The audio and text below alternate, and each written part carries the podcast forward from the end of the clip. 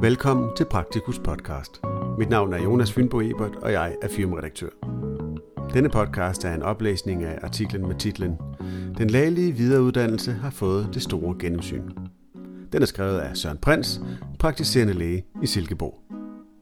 Artiklen kan læses i Praktikus nummer 264, der udkommer i marts 2023.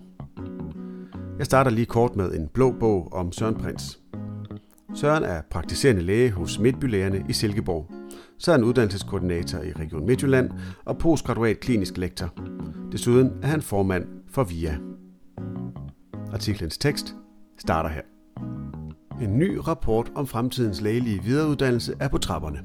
Meget tyder på, at den almindelige medicinske speciallægeuddannelse fremover kommer til at ligne den, vi kender i dag. Men fremover skal flere elementer være fælles mellem specialerne. Den lægelige videreuddannelse i Danmark blev gennemgående forandret omkring år 2000. I den proces indførtes kompetencestyret uddannelse, de syv lægeroller og en omlægning af specialerne. I almen medicin betød det, at man indførte introduktionsstilling, og at hoveduddannelsen blev forlænget med et år, fase 3, hvor uddannelseslægen har mulighed for at konsolidere sine kompetencer under fortsat supervision og at udvikle sine evner som leder og kommende selvstændig erhvervsdrivende. I 2007 blev den halvandet års øh, turnus ændret til en etårig klinisk basisuddannelse, KBU, men derudover er de overordnede rammer uændret siden årtusindskiftet. Rigtig meget har ændret sig i sundhedsvæsenet siden dengang. Små sygehuse er nedlagt, behandlinger i sekundærsektoren er specialiseret, kommunerne har fået en større rolle, og ikke mindst har de praktiserende læger fået mange flere opgaver – hvis vi skal sikre, at danske læger også om 20 år har de kompetencer, patienterne har brug for, er det relevant at kigge på, hvordan uddannelsessystemet skal udvikles i de kommende år. Sundhedsstyrelsen, SST, nedsatte derfor i 2020 fire arbejdsgrupper, der skulle komme med anbefalinger til fremtidens lægelige videreuddannelse i en samlet rapport, som kan danne grundlag for en revision af hele strukturen omkring den lægelige videreuddannelse. De fire grupper arbejdede med fire temaer. 1 indhold, struktur og lægeroller, 2. specialer, 3. dimensionering og 4. governance. Arbejdet har været ledet af SST og har haft repræsentanter fra blandt andet Lægeforeningen, de lægevidenskabelige selskaber, LVS, regioner, universiteter og medicinstuderende. Almen praksis har været repræsenteret i alle fire udvalg af Gunvor Lillevang, gruppe 2 og 4, og mig selv, gruppe 1 og 3. På grund af coronapandemien og folketingsvalg har arbejdet flere gange været pauseret og genstartet, men nu er den samlede rapport ved at være klar. Næste skridt er, at anbefalingerne skal godkendes af det Nationale Råd for Lægers Videreuddannelse, og derefter sendes til Sundhedsministeriet. Der går endnu nogle måneder, før vi ved, hvad det ender med. Men jeg vil prøve at løfte sløret for, hvad anbefalingerne indeholder, og hvad det kan komme til at betyde for almen medicin større alsidighed og bredde.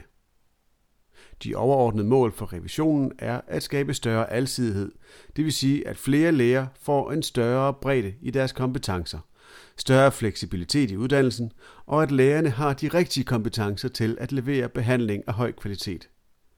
Det med bredden er især møntet på sygehuslæger, hvor målet er, at lægerne i højere grad skal kunne behandle patienternes komorbiditeter. I arbejdet har vi været omkring alle elementer af videreuddannelsen og diskuteret baggrunden for, at vi gør, som vi gør, også sammenlignet med andre lande. Som eksempel har det været diskuteret, om der stadig skal være en KBU. Hvis indholdet, der er noget alle skal kunne, hvorfor er det så ikke bare en del af medicinstudiet? I Sverige har man afskaffet den kliniske basisuddannelse og i stedet forlænget medicinstudiet med et halvt år. I Norge får man fremover også autorisation til selvstændigt virke lige efter medicinstudiet, men har bevaret en KBU-lignende ansættelse som den første del af speciallægeuddannelsen. Det gør, at danske nyuddannede læger ikke er ligestillet med deres skandinaviske kolleger. Det er ganske fornuftigt endt med, at det anbefales at bevare KBU'en med det indhold, den har i dag. Universiteterne kan lære de studerende nogle færdigheder, men KPU'en er nødvendig, fordi man først skal få erfaring med at have lægeligt ansvar, når man har kitlen og lægeskiltet på. Det forventes også, at alle læger fortsat skal have et halvt år i almen praksis, da alle læger har behov for at have et grundigt kendskab til primærsektoren. Introduktionsstillingerne anbefales også at køre uændret videre. Fælles kompetencemål. For at opnå målet om øget altidighed og fleksibilitet, anbefales det, at der fremover skal være nogle fælles elementer specialerne imellem. Det vil sige, hvis nogle beslægtede specialer har opgaver, der overlapper hinanden, så skal det indgå som enslydende kompetencemål i de to eller flere specialers målbeskrivelser. Det kunne for eksempel være, at alle eller nogle af de mål, der hører til opholdet på gynækologisk afdeling for AP-læger, også var en del af introduktionsuddannelsen i gynækologi og obstetrik. Det betyder, at specialeselskaberne skal samarbejde om udarbejdelsen eller revidere målbeskrivelser i en større proces, som styres af SST, og hvor andre aktører skal høres tidligere i processen. Specialerne skal også udarbejde en specialebeskrivelse, der fastlægger specialets kerneopgaver og fælles opgaver med andre specialer i større detaljer, end de fleste specialevejledninger gør i dag.